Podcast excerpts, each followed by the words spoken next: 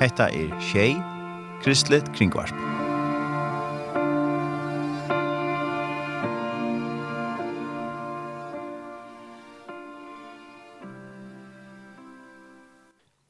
Velkommen til morgensendelsene, morgen av Shay og her er Udarsson i dag er Tararen Samuelsen, og vi er så, er så verster den neste tvær timene her, her vi tverre her med i mistet skrånnes som vanligt, og vi er ferdig at høyre syndrom et tiltak som er i brua i Saltangara, det er vikskiftet, 1. til 3. april, det er samband i at det er kjent en bygning i Nusla, og vi får just jo da sånne greier som det fra tog. Det er spennende at man at det teka en bygning i Nusla, og han bygning som det er nå er, er rettelig gammal, så det er ikke sikkert til at få ja, i bruk. Og så får vi da også høre um, et innslag som heter Potas fri ødel.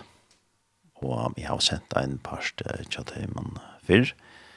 Det var Kristian Johansen som tar seg om hver er Jesus. Og i det får vi da høre Fritz Thomsen greier fra og evne kjønner hvor da er Jesus. Og etter en opptøkka som Iktus hos T4, som mitt fer senda i morgen. Annars er det alle sier sendingene hvis jeg finner på YouTube. Så hvis man fyrer YouTube, så kan man sutja og høre den sendingene her. Tudor ser etter Tjei, Kristelig Kringvarp. Kristelig Kringvarp.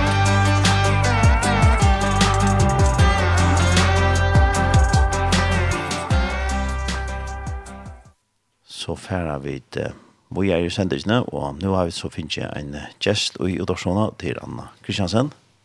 Velkommen. Ja, men takk for det. Og det som vi får prate om til er et særlig tiltak som er skående nå, og en særlig hending også, til er berua i Saltangara. Ja. Og her er hentet større brøytinger, derfor det, ja, nok så. En jeg rommet tog, og nå er det så endelig jeg kom i mål. Ja, helt sikkert nu har vi finnes jo okkara nutja byggning. og vi er flott inn, og nu skal det ha til haldast. Det er veldig da. Ja, det er fantastisk. Og det er, man kan si at det er trångt til kanskje? Ja, helt sikkert, ja. Det byggningen var nok så gammal, ja, trångt, nu. Byggningen var gammal, ja. Hette er, vi skriver faktisk søvn, og jeg heter første for at uh, vi får en nutjanshel i brødsamkomne, i Saltengara og Ronavik, Tog han sæleren som vi tar bruk, det er um, den gamla Ebenezer mm -hmm. som stod i havn. Og ta ett här så ble det nye, Ta ble blev först av brettet nummerera. Mm -hmm. og først inn vi båten. Ja. Intill saltningarna og så byggt opp efter.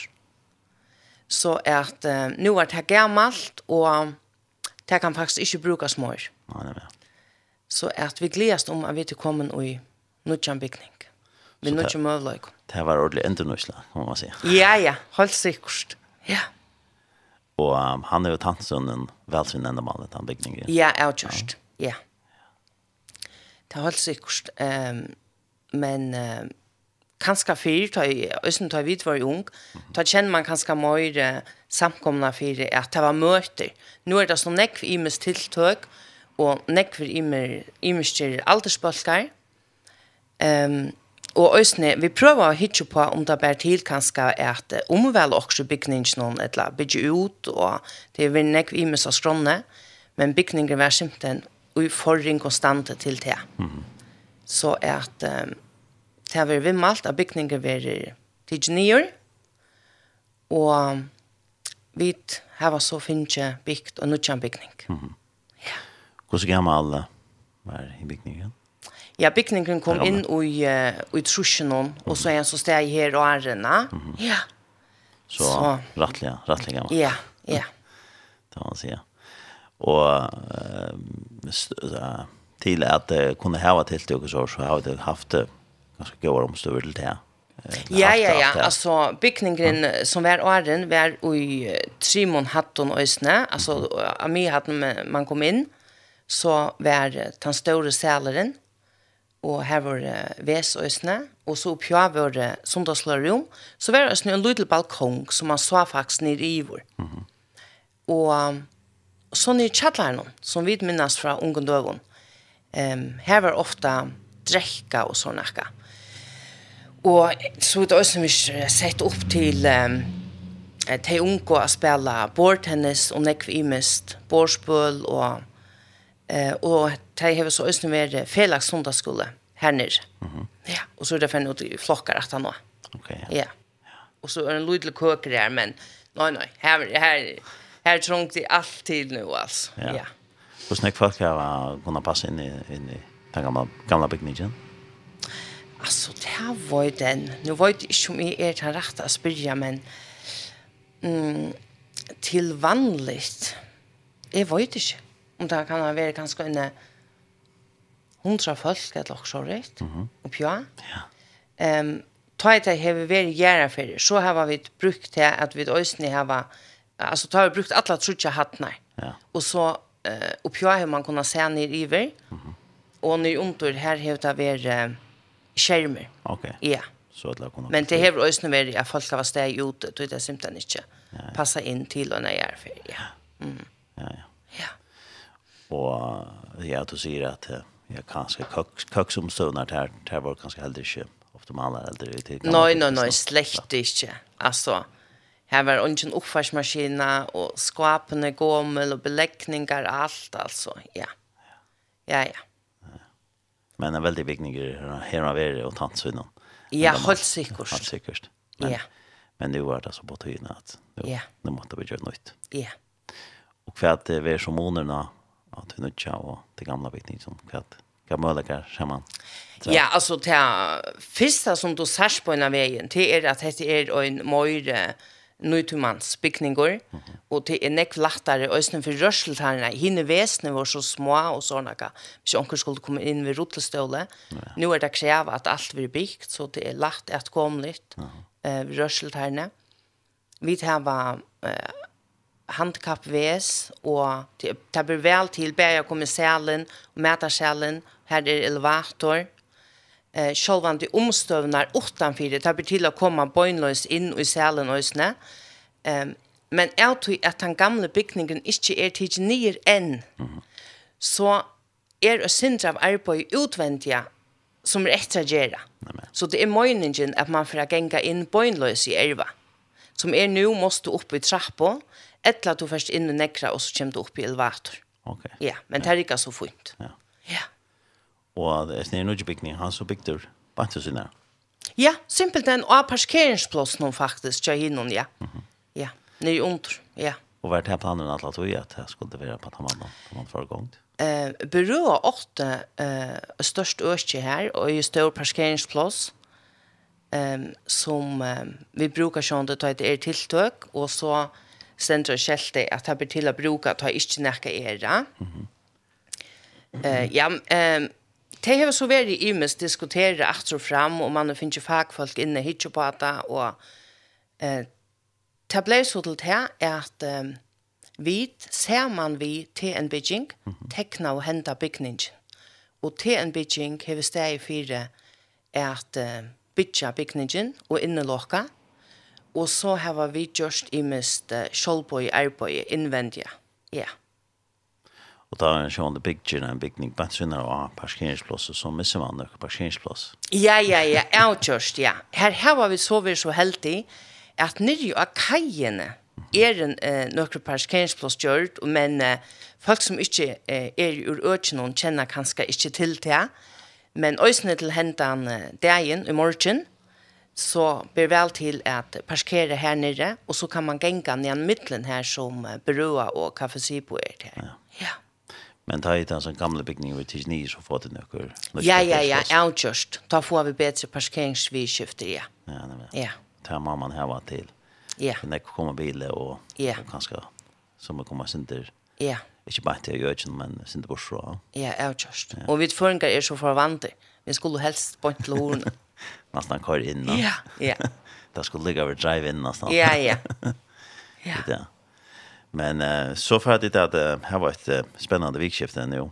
Ja. För mamman och här i Mr. Skrone och här blir det röstne tonlager Skrone uh, med landa. Ja. Och kanske vi skulle för att ta och kurs det lä och kunna ta med som för låta kan. Ja, det är väl dåligt, ja. Ja, och vad tänkte du vi ska ta?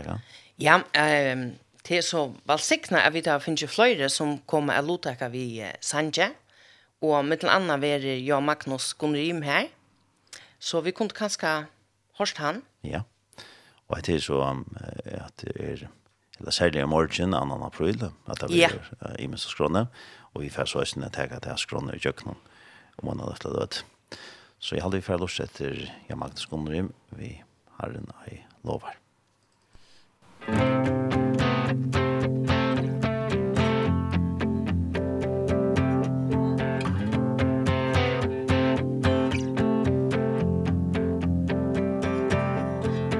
Herren er lov, er lov, det så blått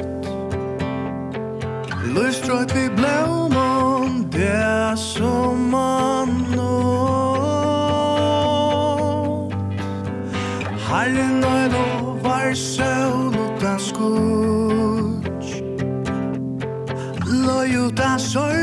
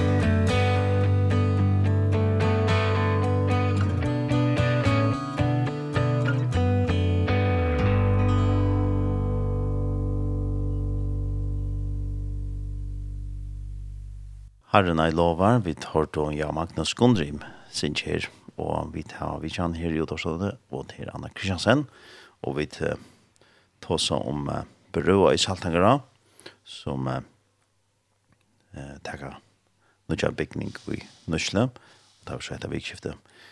Uh, hever et her uh, byggingen av her gongt, nødja bygning er gongt, lenga tog, lenga kjannet det vi. Alltså jag vill säga kanske prata har vi vill igång till länka tog och man vill säga till att här är att eh vi trunja till att göra också. Men fra till for ui og til till ble beröstor. Ta tjekk til minne nøyt år. Mhm. Spärchen blev sett ui i 2016, 16. september. Og bygningren ble røstur år i etter 2018, 11. september. Mm -hmm. Så at um, Tugen kjøtt. Tugen kjøtt. Ja. Så det er vel det er vel nekka folk som har vært gongt. Ja, helt sikkert, ja. Det er, vi har vært sikna i vi at det har vært nekk som har brukt sina frutøy og sina gaver til at uh, kunne hjelpe. Mm -hmm. Men som sagt så Da det er en så stor bygninger, så finner vi det til en bygging at standa fire, og Falkon vi Johan Berg og Jan og Eifen tar hava så steg fyra planering och att ja. Nej men. Det är väl för mindre allt arbete som bäger falkon och till en bitchen gud just. Ja. Ja, och så här var det så um, eh en skra som tidigare kom ut vi vi i min av skrona. Det skulle yeah. tacka sin dröj i henne. Ja. Det kunde vi gott. Ehm um, vi har valgt at just en skra som er iver alt vikeskiftet, til å si at hun byrjar i kvöld. Mm -hmm. Og i kvöld klokka 9 ta er det de unge som uh, har finnet paddelen, og de slipper å kjøpe løtene selv. Mm -hmm. Det er således at det er vanligt inne i uh, Estrøtene og Østen i Byråa, er at uh, her var ungdomsmøter, de kallar det ei og nu, nu skifter det i midten samkommer her inne. Og så har vi så valgt ettersom at vi har hette vikskiftet, at det uh, er i Byråa, i kvöld klokka nødt. Så her er det så nekver sankur og låsångrar skronne, mm -hmm. og grøy båskapur, og ta pleier å drekka og hone, og ta pleier å komme nekk folk. Ja. Ja. Så här är det välkommen som födas ung. Ja, absolutt, ja. Ja. Och så hade det av fram i, i morgon, eh, 2. april. Så halda vi er fram i morgen. Og i morgen vi er nok den store dævren. Eh, Hatuja dævren, hver og eh, det verer flagga, og det verer onker mer formell løyta, eh, vi eh, borgarstjøra, og vi eh, tøymer som har bygd og imest. Men eh, vi byrja dagen vi eh, kafé, og en større om badnatiltak. Mm. Og det verer i morgen leierdagen, fra klokkan 12. Badnatiltaket er fra klokkan 12 til halvgum 2. Og så kommer skraien at køyra såløys at klokkan 2, klokkan 4, klokkan 6 og klokkan 8. Ta er det cirka ta sama av skronne, det vil si at alle hesa løtnar som er oppe i salen, mm. ter heva eh, at det er gode fellessanger og ta er lagt denter og at eh, vi har gode musikere og så verir ein stort båskapur og ta ver stort grått fra bitchingene. Og så verir onkel Jesta til kvarja løt. Så løtnar klokkan 2, 4, 6 og 8 koma lujtjast, mm -hmm. men gestasangaren og han som hever båskapen blir akkurat som skifter ut da. Okay. Og det stender så uiskronne hver er nær. Mm -hmm. Og skraien, hon er dølt rundt i uh, husene her inne, men i det er altså talgilt, mm -hmm. så at hon ligger østene uh, allmenn og Facebook, mm -hmm. og vi har øyne sujo, øyne allmenna sujo, som øyder berøa saltengåra av Facebook. Men i samband med dagen, så har vi i det finnes jeg øyne Instagram-sujo. Mm -hmm. Og hon øyder østene berøa.saltengåra. Her ligger skrein øyne. Så det er alla sans. Ja. ja. Så vi røyna, mamma røyna fylgja vi. Øyne for jeg røyna at noa imeskunne malbalkon. Ja, ja. Øyne for jeg penka på att ja. til det er imeskunne ja. padlana. Absolutt. Og for jeg vera oppdatera, ja. Ja. Ja. Til, ja, og, og så tar dit så hava dem bæglokan.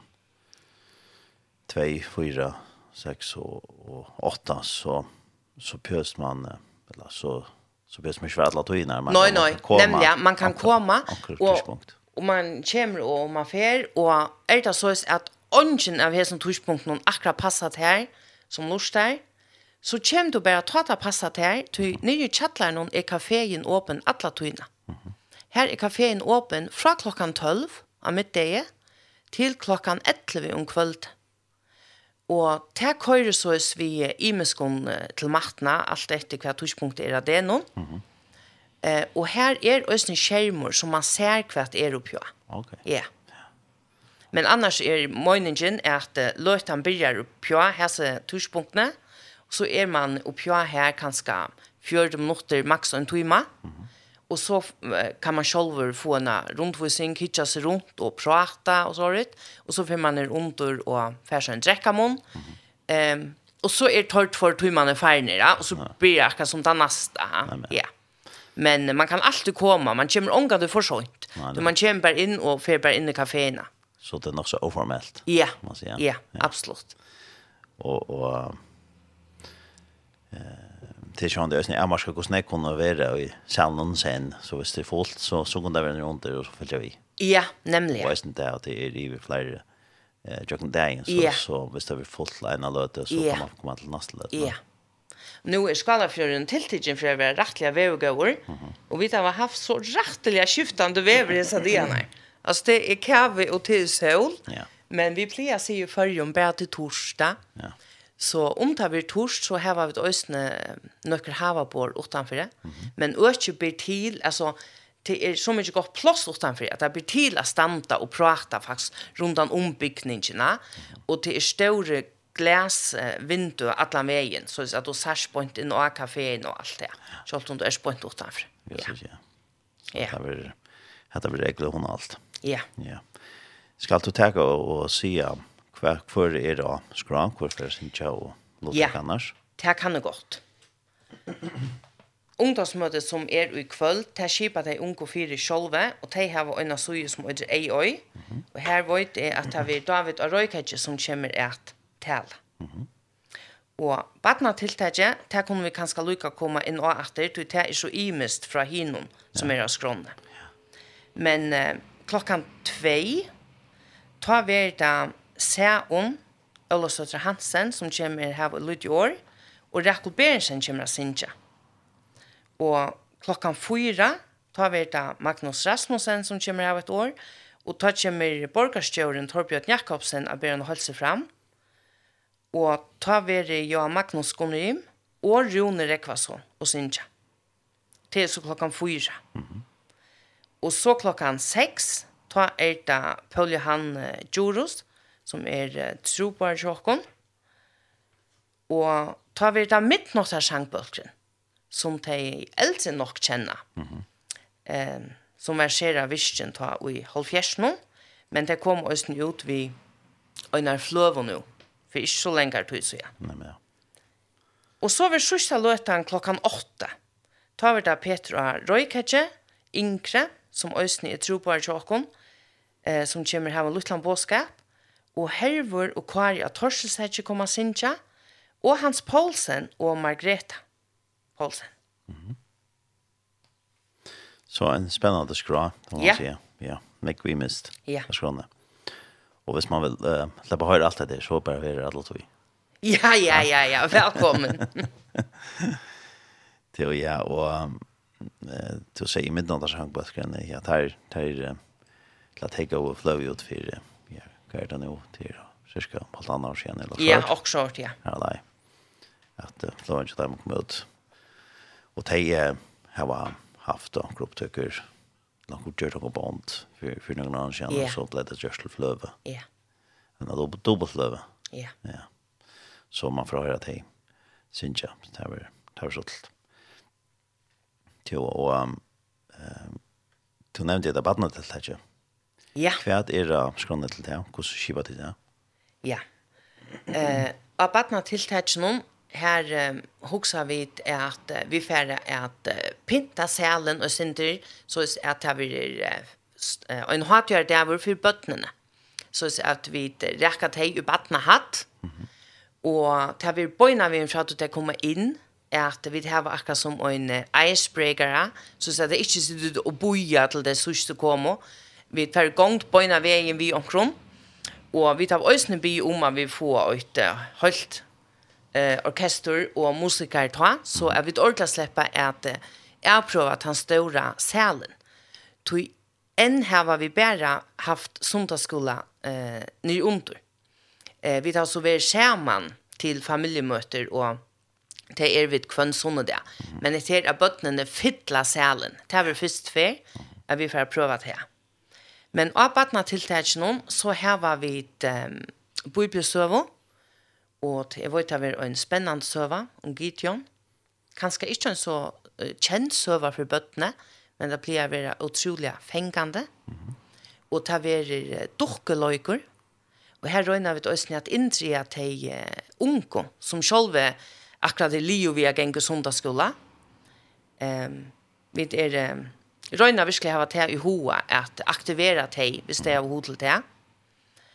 Og så vil det òsne og badna tiltak noen er at uh, vi får gjøre ballondyr og anlesmaling og spurnakapping og så hava vi spurt de som standa for mæten om de kunne gjøre okkur som er skjera badnavinale som bøttene elskar. Så det er nekst spennende til bøttene hessa løtene.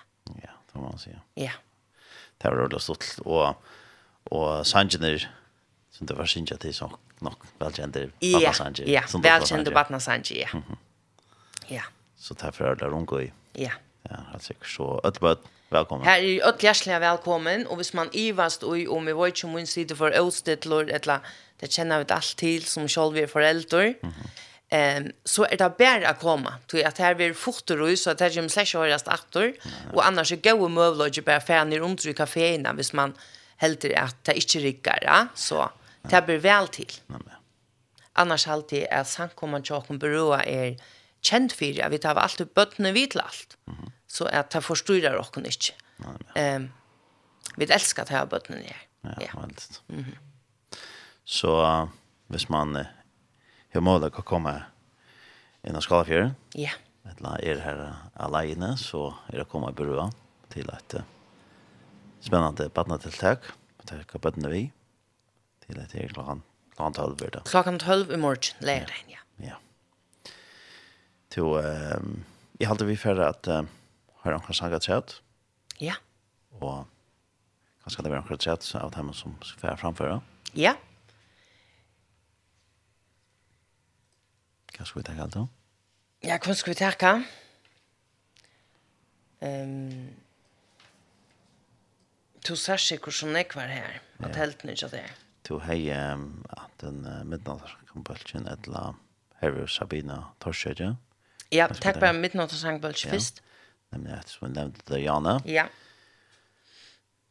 Og ja, takk også sånn at dobbeltløve ut. Ja Og det var jeg halte, jo, det var Jan Magnus Gunnrum som Ja, det var det nämligen. til det finns ju så flöden. Ja, ja. Som som uh, kom ut i 2020 i december månad. Och andra flöden kallast uh, kom nu till källorna och hin kallast kjøtt, renner tøyer, renner skai. Och då snackar vi när Sanjen solsätter fjällen i Ja. Ja, vi får då sätta oss. Ja. Ja.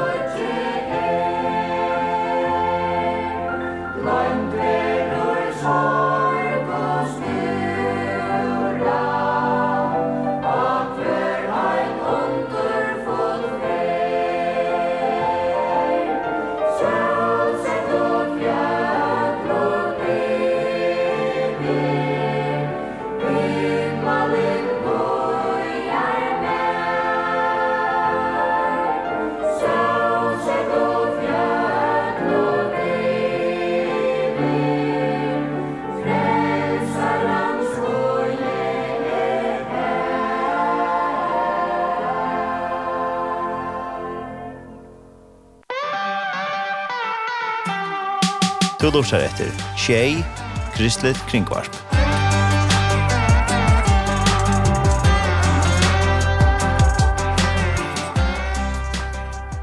Vi tar då sangbølgen, vi sannsyn som heter Solsett og Fjöllån Iver. Og det var av lønn som heter Kjøtt renner togjerren er Skai. Og vi tar vidtjen av Anna Kristiansen og vi tar også om uh, Brua i Saltangara og de har vært hatt i alt dette vikskiftet først til 3 april, og til høysen samband vi at jeg takka en nødjan bygning i Norsle, nødjan brua, og den gamle bygningen hever nekvara vetsj og tant svinnen enda mal. Til um, tidtalda så østene fra av fram sondagen vi en, er en sondagsskrå som, som vanlig ganske ja. sondagen.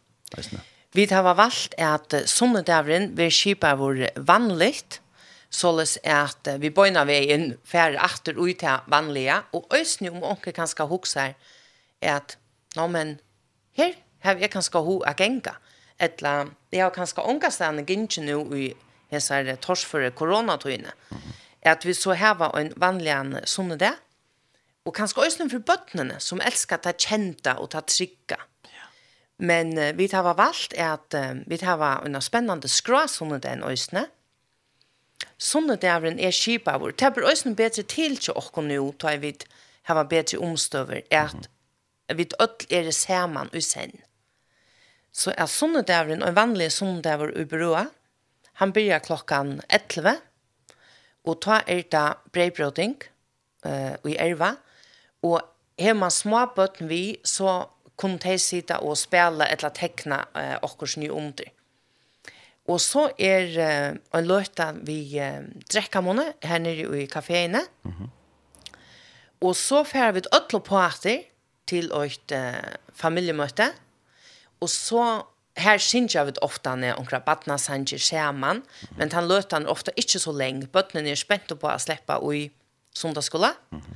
Så fer bøttene i sundagsskola, mm -hmm. og til voksne sitter etter og hører så uh, en bådskap her. Mm -hmm. Ja og bøttene færa fyrst i felags sundagsskola, og så var det dårlig i klasser etter aldre. Ja. Og henda sundagen 3. april, her vil det så løst at vi i Østene har gestatalere og gestasangere. Det var Billy Hansen som kommer at tale. Og så kommer Birger Andreasen i det hos noen. Han kommer at uh, grøya fra uh, Ukraina hjelpararbeid som uh, han har vi gjøre. Og så kommer Torpare tøypere sinja sammen for dere. Så, Ja. Så at jeg gleder dere nøysen til. Spennende. Ja.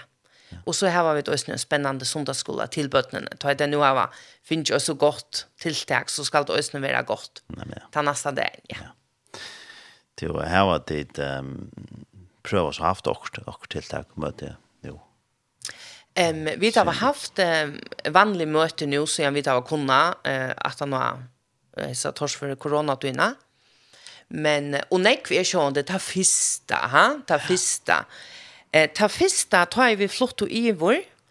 Ta blev kanske synte spontant alltså ta bär till att flyta i men ska man ska man inte corona värsta att veik och hetta var i november månad eh i fjör. Mhm. Mm vi valde så at vi flott og iver, og ta fall og fyrsta sondag i advent, mm -hmm. og i fjør. Her vi simpelthen bare søtte, og skriva ut at nu flyter vi. Ja. Tui at um, man kan bliva vi vi snøklon og dikkast, og det gjør vi det enn. Altså, ja. vi ganger enn lykka at vi, ta. Um, det er fantastisk at kunna flyta iver og kunna avprøva. Ja Ehm um, vi tar var finche uh, goar omstøver. Nu har vi en industrikøk. Mhm. Mm og så valgte vi en uh, leier der at uh, de som har gynnsje her og tidsi noe hånd ui og um, og tidsi vaska og at vi simpelthen avprøver køkken. Mm -hmm. Så at um, Maren kommer kom og gjør det kulling kløtt og det rikket i avbrøver vel. Det var ordentlig stort litt. Og ta søte vi så øsne og i mætarsjælen som til hetta tiltaket vi kallar kafé. Mm -hmm. Annars høtte vi øsne ta glede at vi kom til heva fyrsta kvinnemøte mm -hmm. til vi er såleis at kvinnerne i nekv år heva haft kvinnemøte om Skalafjøren, øyna fra månen, og så at det skiftes middelen ned på Tofton, og så brua saltengar av, og sunne sølta fri el. Og så er så ikke verre i, i tve år, så godt som, ja. Mm -hmm. Og det var rikka i simpelt enn så godt. Og her var det Ja, vi såg vi kafébord fra början, för släck uppe sig alla. Okay. Såg vi bord här och hade ju ösnen finns omkring kvinnor å spela och klaver som Østene ständen i omträr. Och hade finns ju en tro på kvinna at tala eh, Monica Sharp hon är rättelig av vært av lortsetter. Og det var ordentlig stort litt til at det var så när var unga kvinner som eh, som valgte å komme, men altså alt som värsykurs höll holdt jo noen fors og oppe i nära 20 mm -hmm. så det var ordentlig stort litt. ja, ja. det er ikke fint ja så det fick pröva byggningen där og, og och sen det här där man bygger en nya byggning og ser där vad nu nu er han funktionell man kan bruka han. Ja. Så er helt det där färre gång då. Ja. En blå via bo. Ja. Ja. De unge har så som prøver at hava ungdomsmøte. til at det ni ordentlig vel lært. det rikker ordentlig vel. Og vi har eh, Øysene holdt eh, til feltet, kan man si, haft eh, den første døpen. Det var tvei ung um, en 18 år gammel kvinna og en maver i tjonen som yngste døp uh, mye det. Mm -hmm. Så det var vi akkurat haft. Og ta var østen ser han ikke folk, og alt det er praktisk, og alt rikka i østene mm ordentlig vel. Ja. Hvordan, hva for um, møleker har det til dem, så vi vikner ikke noen mån til den gamle i hølen? Hvordan? Ja, særlig at det er kanskje at vi kunne hava um, tiltøk i sen er at du kan hava møte og sundagsskola etla eh, utan at det forstyrrar ljøve og sånakka, ha? at det blir ordla vel til, og eh, at det blir vel til vi eh, små om bøtten og lykka for jeg bortstå fra, utan at man føler at man forstyrrar, og at bor bare kunne standa oppe, utan at det er sånn jeg er på i alle tøyne at jeg opp og nyer og alt det, ha? Mm -hmm men i behøver til at det er bedre at komme litt for rørseltegnet, og altså oppfarsmaskina hver som gang, og det gamla, altså, um, og en lydel til gammal, bækar og altså, du vet, alt, alt det vi mæter, til helt, helt nekka anna. Det er det. Så på den måten kan man kjipa for større tiltøk og sånne som krever. Mm -hmm. um, til akkurat som vi utføringar, vi skulle hava mæt og drekka til alt, da. Det blir sin ronal. Ja, ja, det är det. Men alltså när jag pratar alltid i en kaffemån. Ja, ja. Och så absolut alt det vi gör att göra allt innanför tonlöjk och ösnen för att kunne eh, strøyma hvis det er man innskjer mm. etla a kunne hitja og imenskon skjermon og nå er jeg selv sundagsskola er på jeg eh, og i sundagsskolen er at eh, vi har møvløyka at eh, vi går med tilfær att hette er okkar plås det her kan det gott vara ha? og at vi kunne ha skjerm som jeg bare kan sende direkte av min telefon, mindre opp, mm. og um, til fantastisk, altså. Fantastisk, ja. Ja, det er det. Men har det så finnes jeg en større bygning eller en samme støtt som han som har æren, eller? Nei, nei, jeg vil si at han er väl större. så Sjön det han hever inte så att tre hattarna men hon var inte eh, fullt utnytta av det var balkonga. Mm -hmm. så så stod det det var ett litet rum ute i en ända någon som var en liten balkong och så var det efter ett litet rum i en ända va och skravet ju sig där ja ja. och skravet ja. Mm -hmm. ja ja det här loftet häck och ja, holkon läst alltså. Ja. Så man kan se att det är för fantastiska omstörd till det ja helt säkert ja ja. Och det går så mer praktiskt ganska går så allt funktionellt. Ja absolut funktionellt på alla måter, ja. Mm -hmm. Ja. Hur snäck folk uh, handlar det passar til? till Är det fullt? Ja. Alltså Nu skulle jag också smsa mig in fem meter och alltså ta var så den. Jag vet att uh, sälaren um, uh, hvis nek kjenner selen Sarepta, mm -hmm. etla her ute i Nepo, Ehm um, hesen salen har ikkje balkong, men han er lite sinter minne enn tøy, men han rettelig takt vi til støttene. Mhm. eh, saleren er nok møyre brøyer enn lenger, lenger ja. og til nok så kjølsamt, men det rikker og meter jeg vel, tog at det er ikke til at omkring oppe i paddelen og folkene sitter lengt der etter. Vi, vi kommer sin det nærre ødel, Ehm og så kunne vi sätta stolarna og luta sig inte så i en boa. Okay, ja, ja. Ja, jag har tagit Rickard ordla väl. Mm -hmm. Ja. Är några mindre sort. Ja, det det er sikkert på Facebook sidan jag kanske. Jag det inte.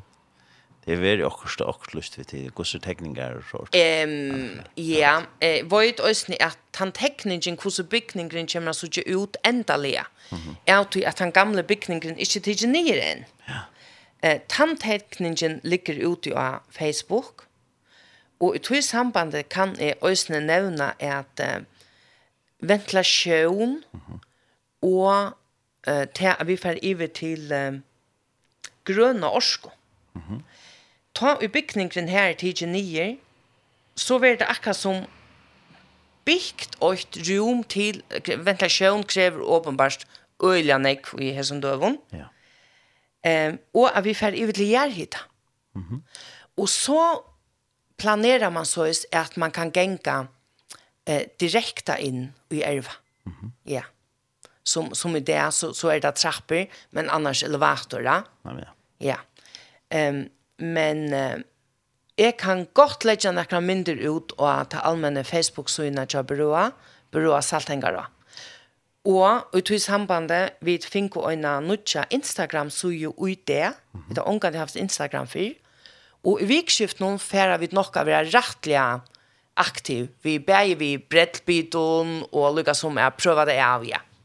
Så at uh, de som ikke har møvløyka å komme, de som er støtt utalanda, eller til sjøs, eller til arbeids, eller sjuk, um, de har møvløyka at fylgja vi og sosiale middel så ikke inte om hvordan nøklånda bygninger ser ut. Ja, ja. Hvis det blir godt annet alle dem, så kommer det å komme. Absolutt, ja. Nei, men. Ja. Så det har vært fantastisk at det kunne at få oss klare omstår. Ja. Og til till Til till til det. Og jeg det, som du sier, jeg tatt der, det tar hans som ja. den gamle, det var nok lenger langt enn där. Ja, her var det mer långt enn og, og. Ja, ja. ja. Så kommer tatt der på. Ja. Det var veldig kjøtt. Ja, det var ordentlig fantastisk. Det var ja, og man kan si også nye at Berua er veldig som en sånn midebel i kjøkkentøyene her, fire bei gossur for ja. for fyrir ungdoms nå nevnte du Jani Eyoi det har vært vi imeskom ja. det er imeska sandes i Estrøtene, ja men for negen år siden ta, ta var det mest bære i Berua. ja, det passar, da vi var jung. ja, ja Ehm um, alltså nu är jag själv uppvuxen i Havn och i Kallbach men uh, det var ordentligt populärt att färra in i Ronaviksna uh, vi som inte bygg kvar vi blandar alltid med Ronavik och Saltengarå vi teker det inte så nöja nu har vi bo här 20 år, och jag har inte en ordentlig tidsdag till mig Men... Det er alt det samme. ja, det er alt det samme, ja. Um, men det var ordentlig populært å komme inn i byråa som ung til ungdomsmøte, tog at det virker som at støyleren var og synte lattere og synte frujere enn det som vi kjente til, kanskje særlig innenfor tøvnløgjen. Mm. Og øysene heter vi at uh, man slapp av være her så langt som man ville. Det var ønsken som hei hoa stånd av horna. Vi så det lengt ut av nottene og prata og altså. Og hei onker onker, hoa færa Ja, så store soppegrytene, altså. Så bare til øysene til. Ja, ja. Så ble bare kjørt soppa til flere hundra folk. Altså, jeg minnes det som om at vi var i 300 folk og sånt, da vi var unge. Ja. Så... Ja. Og nottaravnar til, til estringar, til nottaravnar. Nottaravnar er estringar, ja, ja, absolutt. Og så at han har møte og gå hans sang og så, sånn er under i kjattlæren her, og Selv om det var gammalt, langt ta, for en ekvån år siden, mer enn 30 år siden, så, um, så var det hona litt, man følte seg velkomna, og um, kanskje øsne nekka, nå hørte vi et midtnatt av sjangbølgen, at uh, det var øsne lagt lunnar omdrett i her langt ta, fra uh, i halvfjersen nona.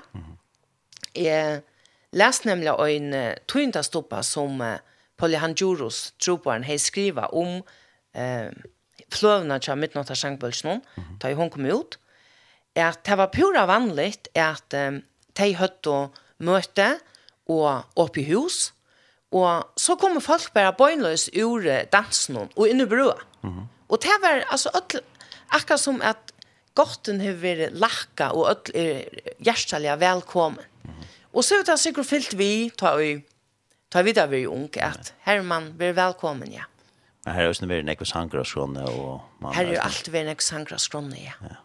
Og, og nekve har vel låt ikke bare er sånn fra og østen det og oppfostra østen nekve. Innenfor tånnek. Ja. Ta og tog bare meg hoks om jeg hei onkrar sanger, så hoksa jeg sånn det til å være aktuelt å velge välja onkrar av tøymon som skulle synja til eh, heta vikskifte. Men så kom jeg tankar om at Brua hever virkelig være valsikna vi gode sangkreften og oppfostra gåa sangkrefter. Sjolv har vi vært er i Tjara, Kristine Berensen, som er dama så ometalig vel, og papjenere Alex Berensen Sale, han var østene aktivor i byråa, og vi har virkelig haft, og, bare haft og heva. Og de som eh, komma at uh, Sintja har øsne tilknyttet til byråa, så eller så. Ja. Ja, men, ja. ja. Ja, og det er veldig det at jeg øsne det at det har sluppet nekk fra meg at øsne. Ja. Av, av sangeren og tonageren øsne. Ja, absolutt, ja. Ja. Det er veldig det. Jeg vet ikke om det var mer så da vi var unge, at det plutselig ikke var så veldig professionelt. Hei, man har prøvd seg av en gitarra, et eller annet sinja fire, ja, men så var du velkommen. Sen han tog in alltså det var synd det ha. og bare få alla sin jag vi alltså. Men tror ju inte ung folk som sin jag vi, det ska nog göra gott, va? Ja, säkert ja. ja. Så så det är väldigt ja. Det er å si, Ja, Ja, her har vi nekva gode løter, holdt sikkert. Ja, helt sikkert. Då hoppas jag verkligen att hej unga ösnä færre framhållande att få. Ja, ja. Bär ju kvöld og och ungdomsmöten och framåt. Ja. Ja, jag blev själv att komma här. Nej, ta. Men något då när jag til å komme. Ja. Det var fantastisk. Døyligt. Det går människor. Ja. Helt sikkert, og sikkert nek som lustan i ösen som sier det samme. Ja. Det var ja. Um, så et, en, en veldig sæler, en, en veldig bygninger til att vi kunde bruka uh, ja. uh, framåt. Men her vi att um, sammen uh, og hava en, en, nødvendig bygning som är här. Är det tørvra? Så jag det at det er tørvra at som til nevnt av her, at middelen bygder og alt det der, halda dit.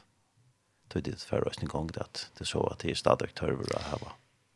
Ja, outjust. Eh, nu er eh, altså Runavigen og Runakar kommuna i større menning, mm -hmm. økje her som uh, vi bygger, altså her eh, er vi planera for rettelig nekvån eh, uiboen og husen, og nekva familier flytta til, nekva ungfolk flytta til, og så at uh, til holdt sikkert at innskja folk at her var et antallet høym, mm -hmm. så skulle det være hjertelig velkommen i brua.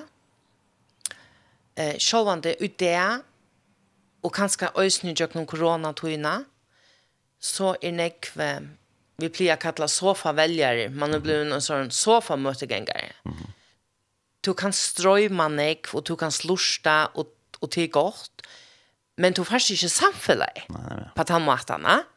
Og øyne til at vi ikke er at takk av bøttene vi, altså, og at lære at hei, at jeg kommer sammen og at få den gode fellesskapen, som vi selv har finnes så større glede av. Ja, ja. Så det er ganske en, en anvending klokken er til at komme sammen. Ja, outjust Nå er det, man sier korona er livet. Ja. Men att og samman och ösna vänja sig vid det var vad ska ordene, och annan komma samman jo. Ja. Nämligen att vänja sig vid det, det är så värligt ja. Att det blir väl till. Ja, och ja. det er en man er ju i snär i en två år. Ja. Ja. Till lengt tog. hur. Till rättliga längt hur. Ja. Man görsar era vänner nästan. Ja. Och och vänner. Och vänner ja. Mhm. Och så kommer man lägga till att att ska att det då vart bruk för att komma samman. Ja. Och här har vi till dömes, alltså nu har vi tross han ikke om mötera, men tar vi nu här en så god en bygning, eh, så har vi också möjlighet at här var imes tiltøk. Mm -hmm.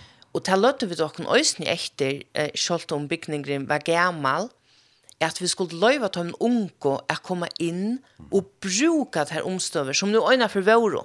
Så selv den gamle bygningen hei eh, bortennisbord og så er det tvei Little Fable-spår og Neckbor-spøl og hette her at de unge kunne komme inn og være sammen og gjennom gåen miljøet og det var fast leierkvølt og hver det tiltaket og etter momento. Men uh, vekna korona så bär ikke til at heva det og nå er tvei år gingen Så hese unge, de er blitt tve år eldre. Så vi må akkurat som byrja av nødtjå. Altså, vi tar akkurat som mist de som er blitt tve år eldre, ja. Og vånande kunne vi så bare få at de kanske nå at uh, her var hun å komme og hjelpe til. Ja. Og så bjør at hun uh, inkro å komme og være vidt lette. Akkurat. Eh, det er så ikke byrja enn, men vi har vi har nekvar visioner, nekvar dreymar og mål. Og det største halvtid er, utan så er vi til det nye skriva, til rett her at vi kunne røyka okkara nasta i nærumkvørnen, og være nekka fire, fire teg. Eh, bæg antallet og praktisk. Mm -hmm. Og simpelthen øysen bare suttja, hva er tørver å her, og hva blir tila. Ja. Så det sutja nekka og møllegar i en yeah. sånn bygning kjø, og. Ja. Ganske hoksa är mat där nå först. Ja. Och så var det nu är sånn ek tui og orska løgt ui karmanara. Mm. Att nu må vi oss ni ordentlig innstille lockna. Okej, nu har vi finns så gode karmar. Alltså men inne tui halte. Tui att te att komma att känna god eller vara honom när. Tack skjer vi när kan gå en picknick. Alltså han kan så tåsa vi här som du är, hver du är, da? Men hetta ger til at vi tar gode møvløyker at bjør inn til imest, som folk kan få glede av. Ja, det er veldig. Så nå er ferdig det er gang til at også, ja. og så kunne vi nå av mennesker vi, ja.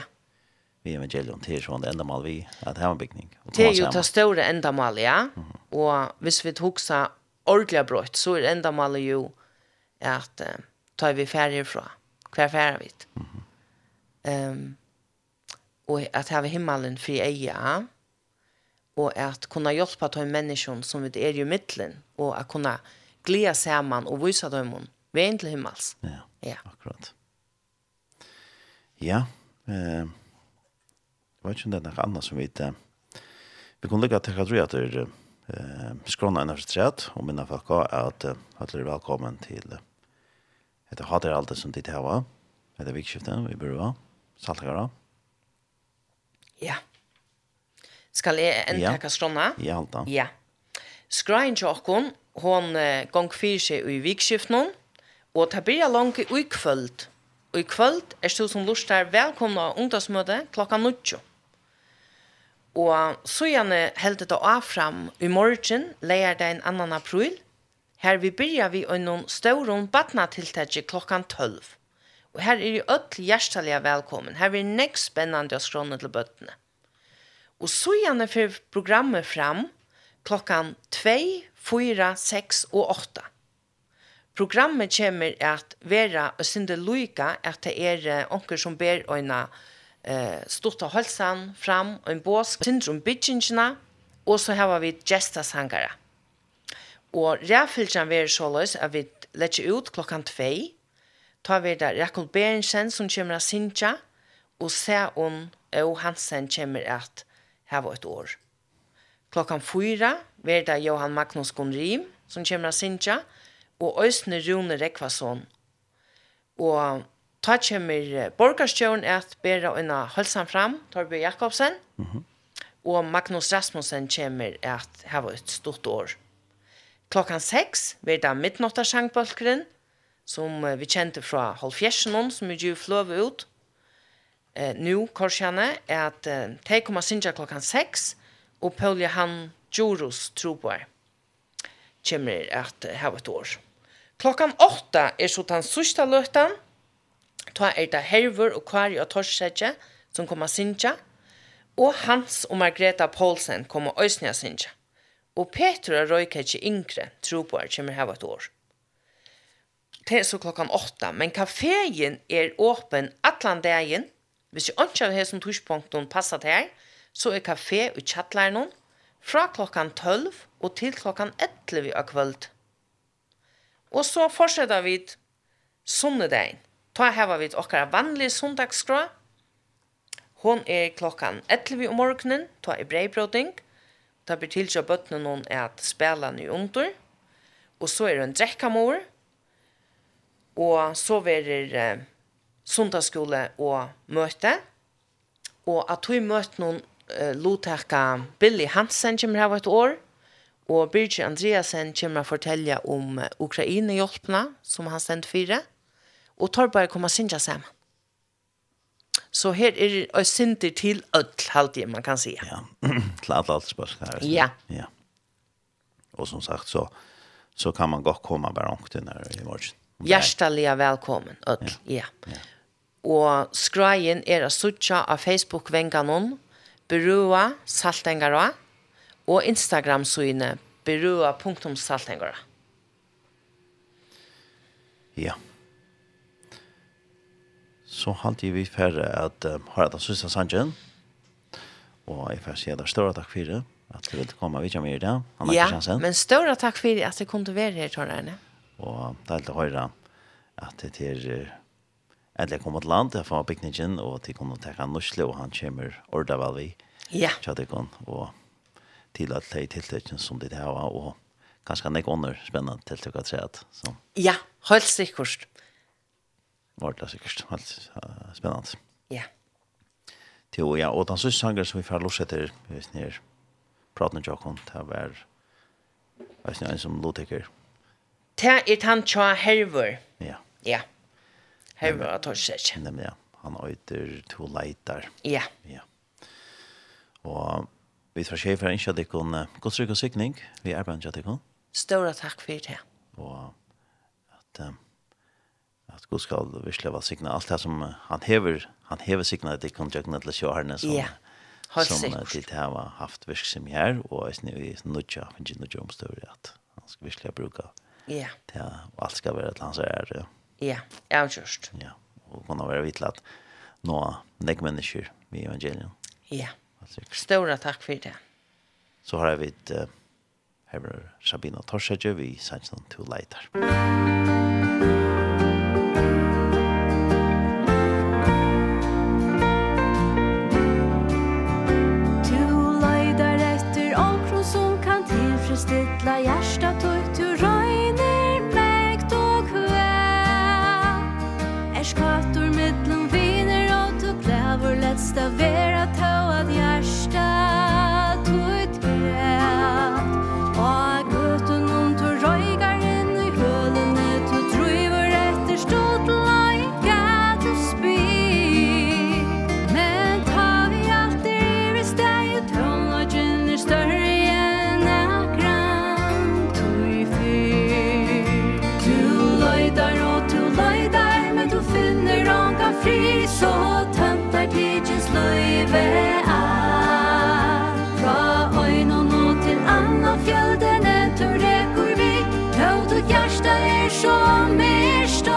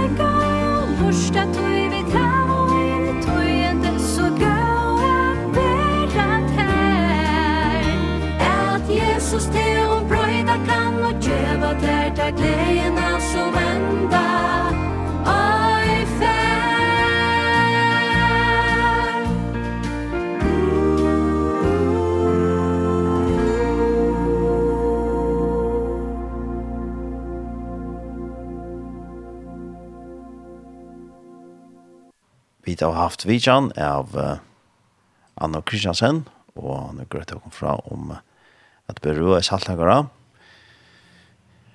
Uh, jeg har hatt i alt dette vikskiftet, og det er samband vi at jeg har tidsi Lujan Bygning i Nusle, og de har i minst skrønne vi kvalt, første kvalt, la en 20 ungdomsmøte, og så i morgen at han leier den er tiltekket av skrønne.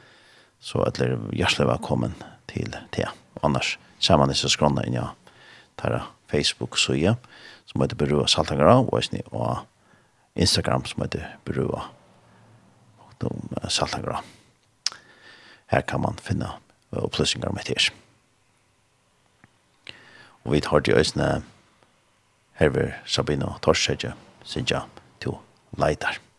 Og herver uh, mitt landa, ja, Magnus Gondrim, som fyrir at Sinja, Rune Rekvason og Midtlanda Sangbøtkeren, og Herver, Herver og Karja Torskjødje, for at låte jeg. Og Hans og Margreta Poulsen.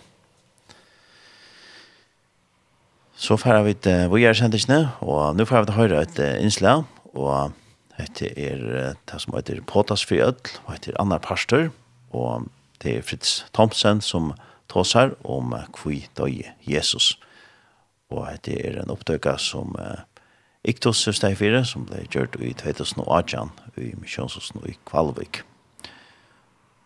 Og um, Potas Iglesias, her er en lærersvenna skole, og de har også en Facebook-søye, her man kan finne flere opplysninger.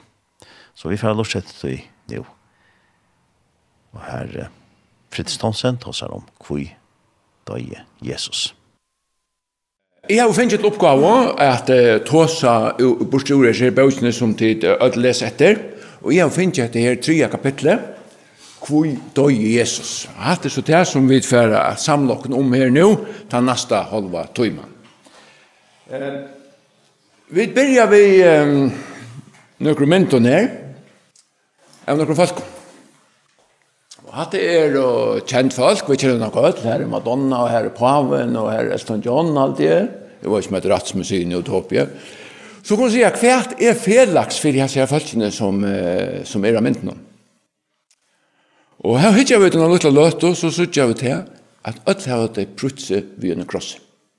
Alt har det krossen som fedlags. Og det kan ganske tidsi seg synd til løye, Ja, kanskje ikke til okkon, og kanskje flere at ikkon som er her nå, har var òsne prutse ved krossen. Så krossenren hever sannelig skift vire i tjokken tøyina. Det er tøyina som vi får ta oss om til Jesus. Så var krosseren nekka, øylen nekka. Det var jo et, et, et, et tøl som man brukte at avrata folk på. Folk som var dømt til deg så kunne vi hugsa okon. Jeg vet ikke omkring kom vi og nærmint av en elektrisk ståle og hongt opp i øyrene i Loksår. Det er et helt veri øyle løye det. Men krosseren hever finnje en særlig antutning fyrir okon som er kristin. Og jeg hadde kunnet øysen si at det er ganske at han taume krosseren som vi er mest opptidgjene av. Eh, Bibelen, hon handlar øyelig negv om hettar at Jesus døy. Om hva de hente ta Jesus døy. Og øyelig negv at hun som er skriva at han av brøvene, det handlar om hva tøytning hettar hevor for menneskene at Jesus døy av krossen. Paulus han var så iverbøyster om hans her tingene, hetta her som vi er samlag om nu, hetta nekra tøy, tøytning av miklasta. Hette er til tutninga midlasta. Han sier i atle var ondja vita tikkara middlin utan Jesus Kristus og han krossfestar. Nu har vi hørt nek om Jesus, og ikke det, men hette her at Jesus var krossfester, hette her var det som Paulus yngste, at de skulle, de skulle halda fast om, og til vel øysene båskapen til okken i det. Hvor døg ikke Jesus, altså? Døg fyrir synder okkara, og alt det, hva, hva merker dette egentlig? At Jesus døg fyrir meg, at Jesus døg fyrir mine synder. Og det er kanskje et stort svær på at jeg, du er så elskar jeg god høymen. Så elskar jeg god med, og så elskar jeg god okken ødel, tog døg Jesus. Men vi får noe som har ventet sin til Møyra rundt om og gjørs her. Hva er trobløg? Hva er problem? Det er synd. Bibelen sier og netta at synden er en større trobløg. Og hva er så synd? Det kunne vi tås om i atlan det. Men jeg hadde vi skulle letja mest til dette, at Bibelen definerer for okkon at det er god som er avgjør. Det er øyelig enn jeg som halda, hatt halda i ikke sint, eller hatt nek veri en hitt, eller gos vidt nå øyne for jeg får døme det her, hva er rett, hva er skoft, hva er sint, det er god som er avgjør hva er sint. Hvor sint er? Det er vi dødl. Det gjør du i Bibelen noen en fløyre skrifter opp om, og vi har jo tidlig nøkker av det. Tog om, on, om øyn kvar heldur alla løvene, man snevar i øyn og lote, ta er han sikker i ødel. Og det er at det er kvann måtestokk brukar vi. Hvordan måta vi det her støttene av syndene, og hvordan alvorlig er det her? Eh, hvis vi får se om man lukker noen ganske ofte vi omkring brottsmenn og att han kjente brottsmån som kanske känner Hitler och Stalin och ser som jag myrsten er rikva fölkje. Så er det øyla kjøtt av et halda til at det stender ganske hampelig vel til okken, etla han som bor i Søyna til okken er ikke gos lukka fra hos mann, etla hin i bygden er klar med mest lukka vel som teg til å kjemme til dette. Men Bibelen sier okken holdt klart hettar at ta og vi vid heva snava Og i øynare sind, så er vi sek og i öll. Så her öll hava synda, og öllon vantar Guds høyr. Öll. Kvui døy Jesus. Troblodgen, det er et her, vi leser om etter første sujene i Bibelene, om Adam og Eva. Det er blitt sett spørsmålstegn vi hetta. Man god har sagt. Og færre vi så vågjere og kan teka inn i mot egna lov, så vi det ofta av det at vi liva og lata og gjerra og hoksa som om god ikkje vær til. Mann god hava sagt, er rokken lukka som ikkje vi er snær. Ørslit du verur at vi færa pura, pura skoiv av mal. Bautin her, hun teker opp fyra punkt hva er det som synden gjør vi okk? Okkun öll. Hon dolkar. Dolkar okkum. Og hon teker vald i okkum. Hon hefur en veldiga makt. Synden. Og som ta trea, God refsar synd. Det finnes en refsing vi synden. Hatta fyrir við at tosa lut til mór um sagt. Og so sum ta fjóra synden kemur at standa milli. Synden skilur. Fyrst og fremst frá Gud, men hon skilir øysni um milli mennesjir. Og eg haldi akkurat at det fyrsta som hendir i Edens hava, det fyrsta syndafallet, eg haldi ta det vísir so heilt og almyndliga vel hvat det hendur ta syndum að koma inn. Først være sin skyldnavn og vi god. Og så begynner sin kuilen å være i veri her som bei menneskene, Adam og Eva. Skyldt opp av en annan og så fram etten. Det er så mye alvorlig er synden, men det aller alvorligast, alvorligast er dette, at hun skyler okkon fra god. På fredag tar oss under morgen om at det her er første punktet, at synden dolkar.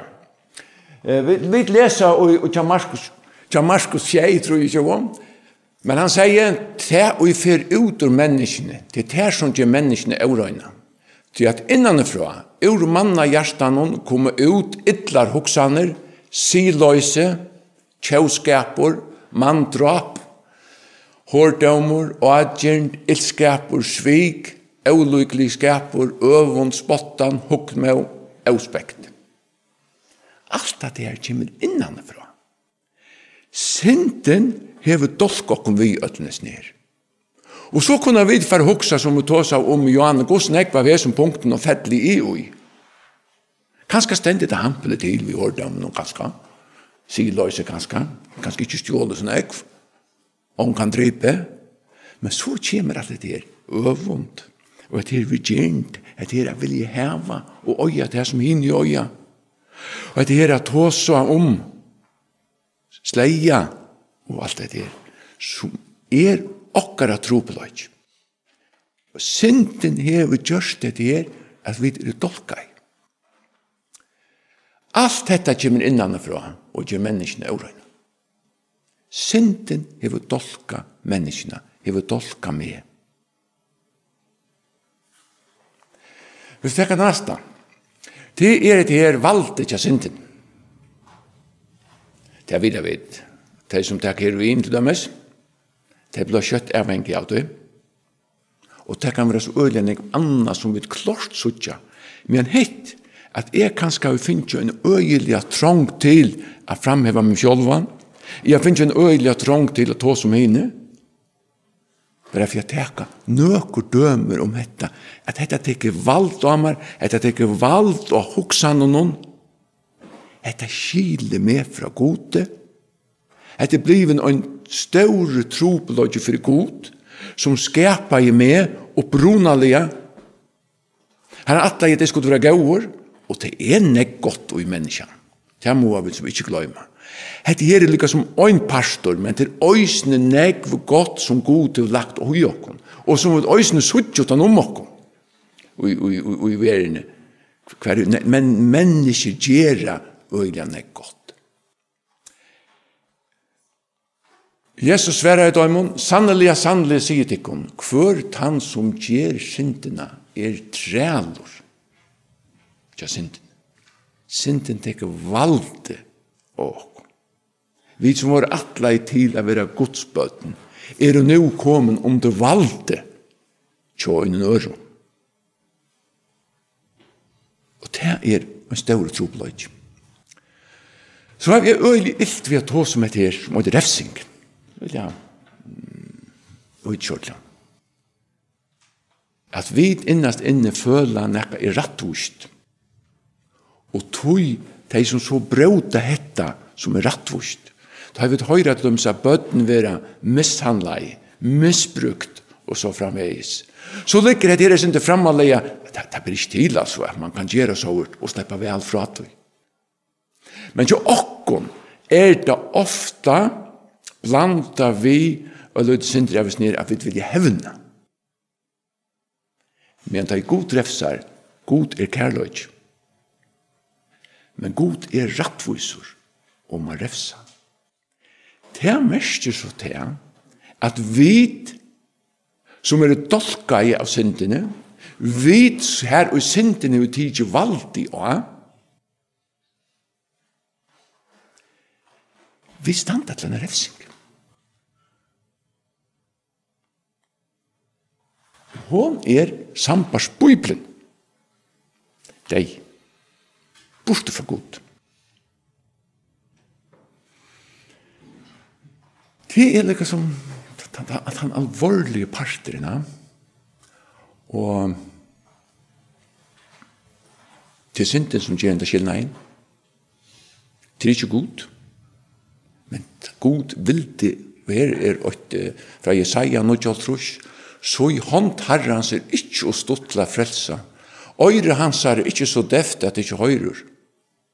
Nei, det er miskjere tikkere som har vært gjør skiljene ved middelen tikkara og godstikkara, sinter tikkara hava holdt anlit hans fire tikkum, så at han ikkje høyrer. Trobeløgjen er moin, trobeløgjen er okkara, vegna sint.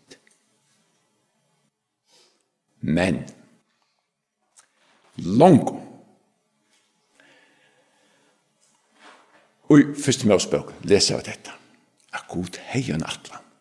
Gud det ikke enn den skapningen som han heier skapa.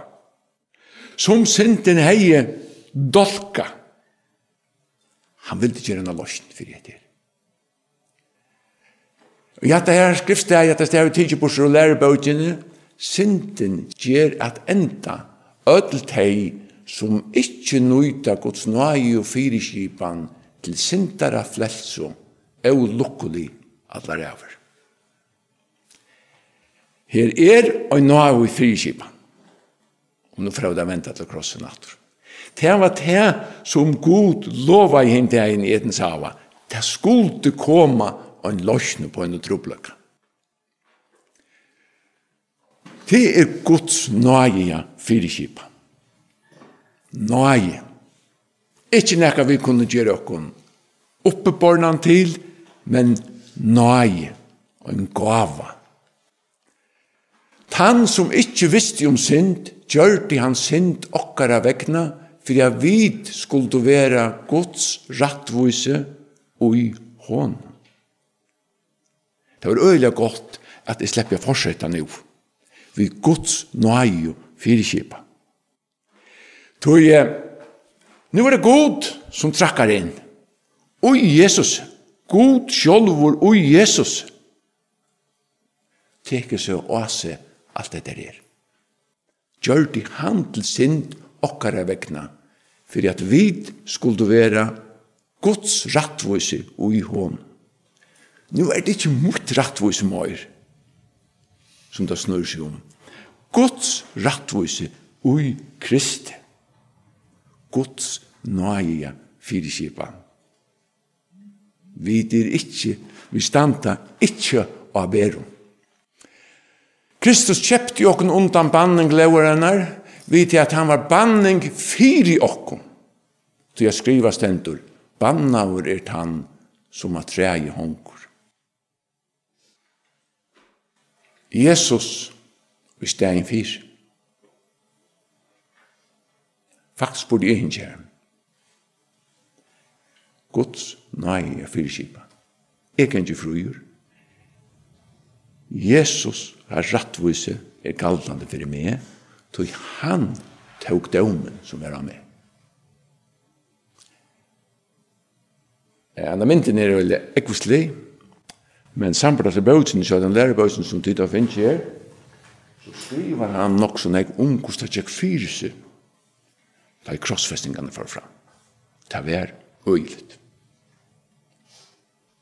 Sunter smiltra og vi lever røymen, vi blodpetten og bøynpetten som stunk inn i kroppen, og det vil beskriva her av fløyre søvelig, altså, som jeg var skrivet om hvordan krossfestingen gikk fyrir seg da og stolt romarne hilde, hetta var for gale, så i året av 320 fors etter Krist, for det forboi at avratta folk så løys. Jeg hadde skulle bilde gøy som her, at det er vi, at det kosta i negv. Og til onkur som har haft hilde til møte kristendommen, at det var ganske nevnt ja god til å løse dette problemet vi har lett at det genga ned en annan. Men det var egentlig ikke en annan. Det var god ui sine søgne Jesus god sjolvor som åteker seg straffene som jeg skulle ha. Ikke nevnt å skilja. Hetta må være okkun av andan om åpenbæra. Ja, så løs er det. Hva er det så urslit i oss nere at, at, at Jesus støy? Den tømmer krossen. Og hatt er mynden vi det og i flest av godshus nokkara. Vi det har ikke hæsa myndina, vi Jesus hengande av krossen. Så Jesus blei vi ikke hengande her. Vi det har vært han tøma krossen. Og til øyla nekv, og til klarar vi ikke på hesa løtna som etter er det å beskriva alt, men vi får teka nøkko punkt bort til urus nir. At det var en fullkommen syra syndinum. Hette her at Jesus blei offra over henda hatt, gjør det til at det var en fullkommen syr av synden. Nu får jeg vite lykkes med at stekka synden vi nekra syr av krossen. Her er så øyelig nekv som krossen kan tale til dere. Og vi får det å nevne, eh, nevne nøkepunkt. Eh, Bibelen hon forteller okkur i Gamla Testament en rikvo om offringar. Kvoi, tøy, synden var kommet inn, og folk visste at det hadde synda.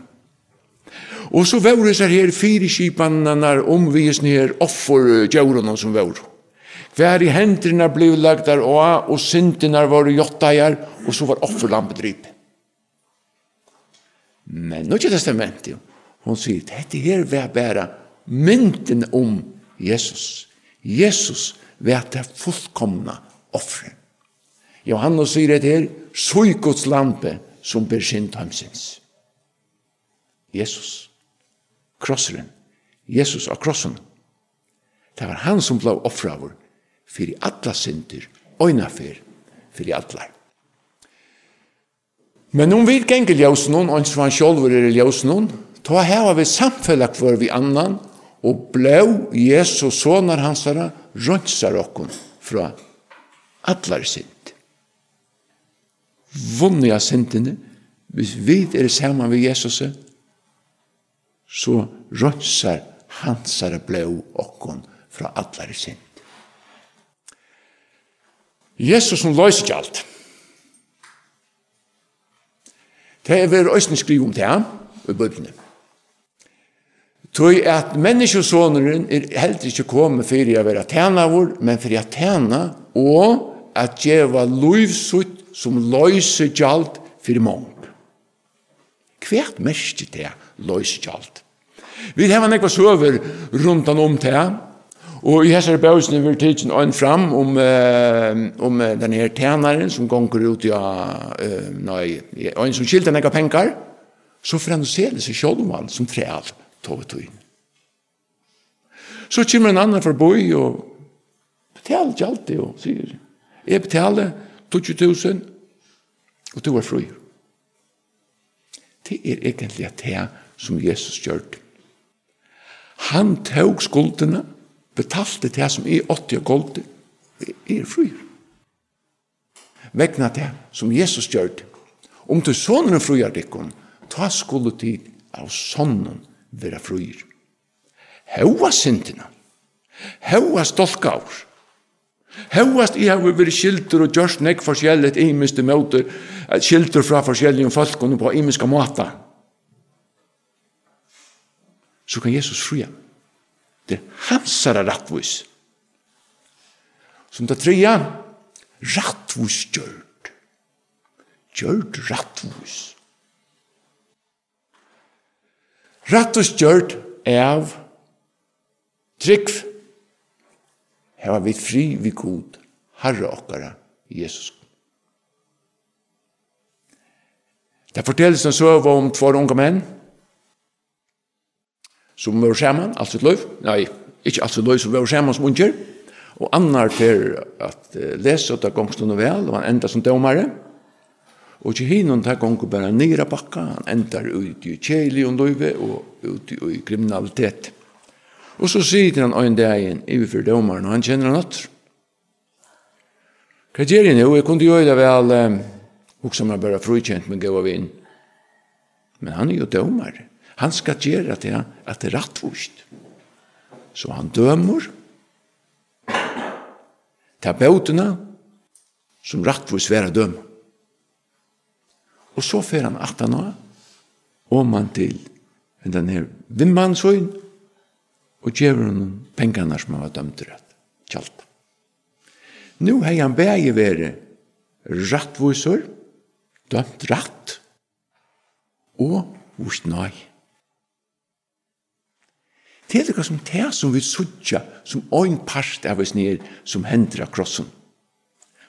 Rattvist og god, dømer rattvist, bjøva mer nøyene. Rattvustgjørt for i ønsk. Trygg og Herren Jesus. Det er første som vi får stekke vei til et her ved Batnakålen. Ja, her kjenner vi det mest. Vi tenker at det er verset fest. Vi tenker at det var god som i Kristi gjør det i høymen satt av med seg og han tilroknar tøymon ikkje misgjere torra, og hever lagt åre om sottargjerna nyr og jokk. Og øst, som vi fra stegga vei til er den bortefarne soner. Han som fjør ut, han som dolka i seg, han som sett seg svinn. Og så kommer han attor, og feiren tykker med utronen. Badnakår. Akkurat som omgant og neka hei veri i middelen han og feir. Og hette er støvan som vi standa i det. Ta vi vi trygg takk hetta til okkur, Sottar gjerin. Et her hava vi god hava betalt. Jesus hava gold det. Og jeg er rattvisur vegna sottar gjerina som han gjørt. Og ikkje det som er gjørt er utrolig størst. Jeg får enda vise her myndene,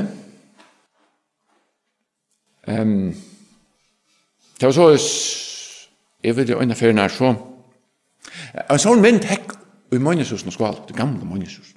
Så jeg hukte på henne nekva fyrir og sånt, og skulle spekulere på hver sjakonen, når vi var, som var utan om krossen og så forskjellig. Så øyna, øyna, øyna, øyna nottina, jeg vet ikke hva feber, influensalokkur. Og heida og søren til, og ordelig, ordelig, ordelig, ordelig, ordelig, illa fyr. Og så ligger man sikkert og vetjer og, og, og svever kvart manna, og så kommer det til Marre Løttet at jeg skulle utført rom og en øyne store tjekk Som rommet og gjønne. Men så kom jeg til, jeg bare var helt i omkrossen så får svevan i rom, i rom til, til, til, i rom med seg gjønna. Og henne mynden kommer øyelig ofta framfyrir mig. Hva er bare hildi om hetta, sottargjerna, det som Jesus gjør det, hva er hildi om det? Så ber det for tro.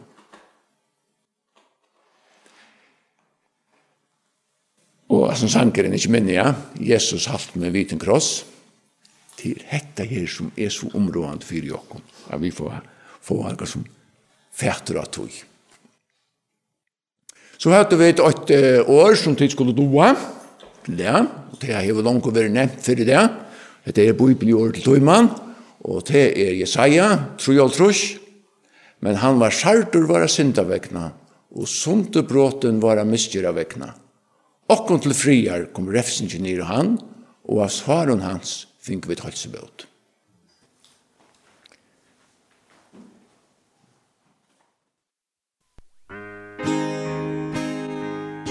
Unga hjärsta mot vans tu å herre Ta tuin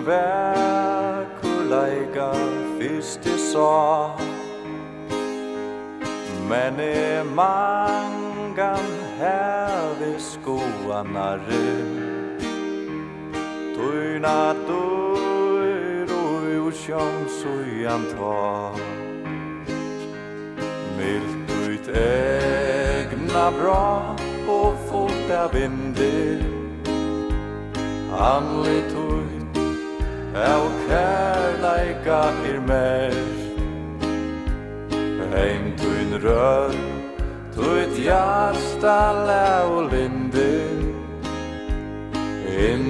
li ur atlur som tu er. Hjärsta färs og i trygg tuit heia av Skoa tig og godom leiga hans Gavet hur og i fotlen ljóma så han Så hans fævur leika durd og glans. Ödlans vera hangar söda av frie Fóda fyrt ansanda luiv og trås Men tu minnest alt I'm heavily Sarons rosa fyre tever kroll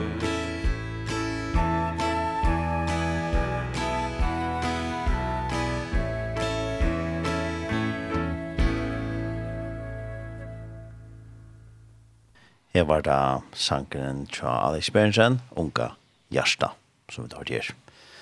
Det var at han har vidt uh, hørte Fritz Thomsen tosa om kvui døye Jesus. Og det var uh, en opptøkka som Iktos over steg fire. Og man kan sutja seg inn i YouTube. Hvis man fyrer av YouTube og skriver Iktos Sjønvarp, så kan man finne hese opptøkkene og flere er her. Påtas for ødel. Det er altså andre parst. Og det er påtas i Klesias lærersvenneskolen som hos det fyrt ned, og han da opptøk meg fra 2018, i Misjøsåsen og i Kvalvik. Vi får annars skal sende han og sende inn sjåkne i det, og jeg atler at jeg lese en antakt, og det er dagsens år fra Joseph Prince, og iverskriften er, han er færen alla vägen för att grua til, och til åt färre som er omsett til förrest. Så kom att här, ja, och jeg får lese først til Marskos, kapitel 5, vers 1-2 och i og vers 8 och i, och i viktiga där som står inga känder. Så kom att här iver om vattnet till land Gesarea. Vid samma som han var färden upp ur badnon kommer møte honom ut ur grövnon, med vår vi öreinon, öreinon anta tog han sier vi han, fær ut ur mannen og øren i ant.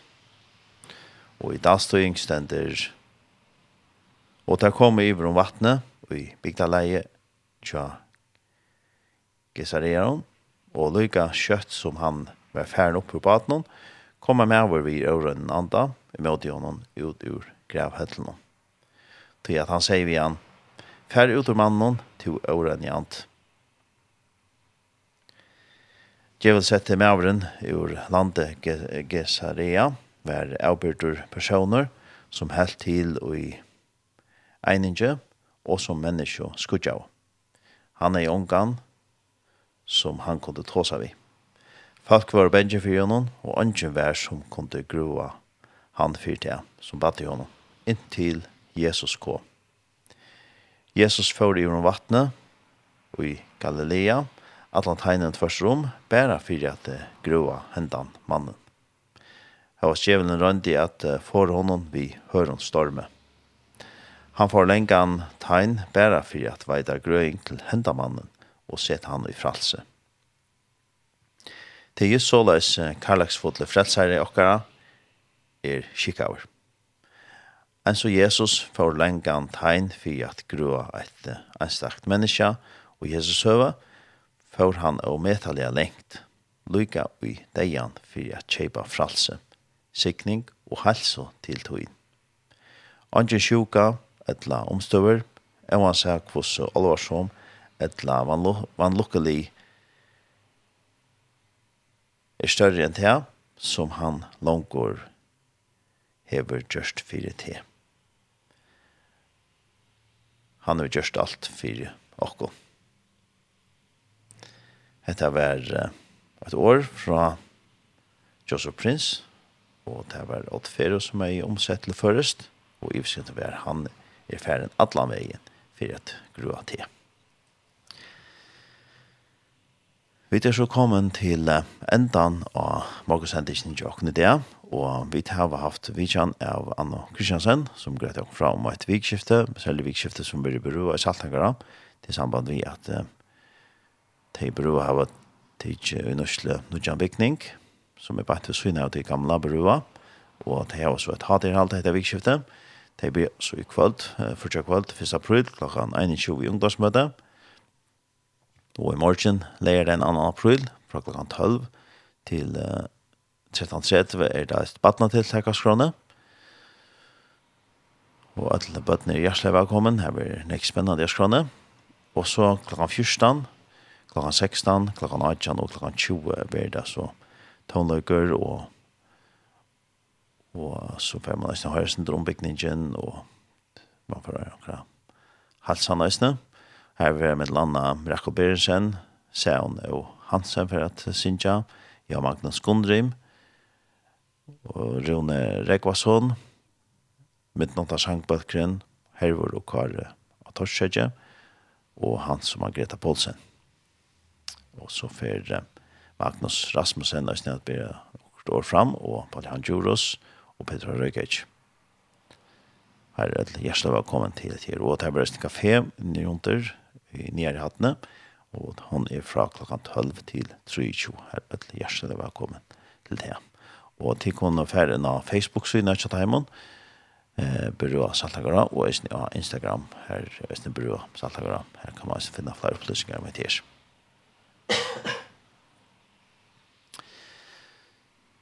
Ja, og så eh, kan jeg også minne av at uh, i morgen så er det også et tiltak i Sorøytene, Salt og Drellnese. Det er uh, tinsrit førjer som uh, skipper fyrt høy. Her er Ødelig hjertelig velkommen til det. her. kommer til det her. Vi tatt vidtjene av Simon Jansson Hansen, og han greit det sin fram etter tiltaket. Og uh, Det blir klokkan fem. Og så holder det av fram til klokkan 11. Med landa Jens Olsen fra Båskap og Tinstrid Bølken fra Øysnia til Loteka og David Jakobsen fra Øysnia og Båskap er vittnesborer, drama av Øysnia. Og her blir fondfot, hone, så det er bare møtt opp med salt og drellnese fra klokkan fem og ut etter. Og er det noen som innskjer Eh, og er det anker som ikke innevist, så kan man uh, ringe alle vann 22 05 halvfems. Altså 22 05 halvfems. Det er man velkommen til. Og så kan jeg nevne at at det er fire vikene så er det vidjan av uh, Sveine Preskare, som vi gjør ned, og han fyrir seg her var en minneskonsert, sammen med Alex Berensen, som vi tar til henne nå, Og ta vi en konsert i Løvden i Høyvik, nå sånne kvalde, 3 april klokken 20. Og her eh, Sanjic og Alex Berensen vil ha framført der, og her vil røstene en holeng om Alex og Søvgong og Himmelsanda. Så her vil niks avverst at høyre. Og så ja, Rakol Berens for røstene lotekka. Og sammen vi Svein, og så har vi det Tonlegabølk. Så her er det velkommen til det. Og her kan man kjøpe jeg kan gå mest av henne hjemme som heter praisehim.fo til til konsertene, og til konserter 180 kroner. Så jeg får takke for meg her uh, morgensendingen i morgen av tjej, vet jeg, og hendet sendingen vil enda sende i kvöld klokkan tjej, og så vil det enda sende i natt klokkan 3 til 3 så gjør man nøysen leir den. Og så er nøysen lagt hjemme sinne er tjokken tjei.fo. Og her er nøysen legger her sendinger eh, litt jo av hjemme sinne. Måten andre tar en samsen, vi tar vi med, og ønsker deg noe et godt vikskifte og godt godsryk og sikning. Hetta er Tjei, Kristelig Kringvarp.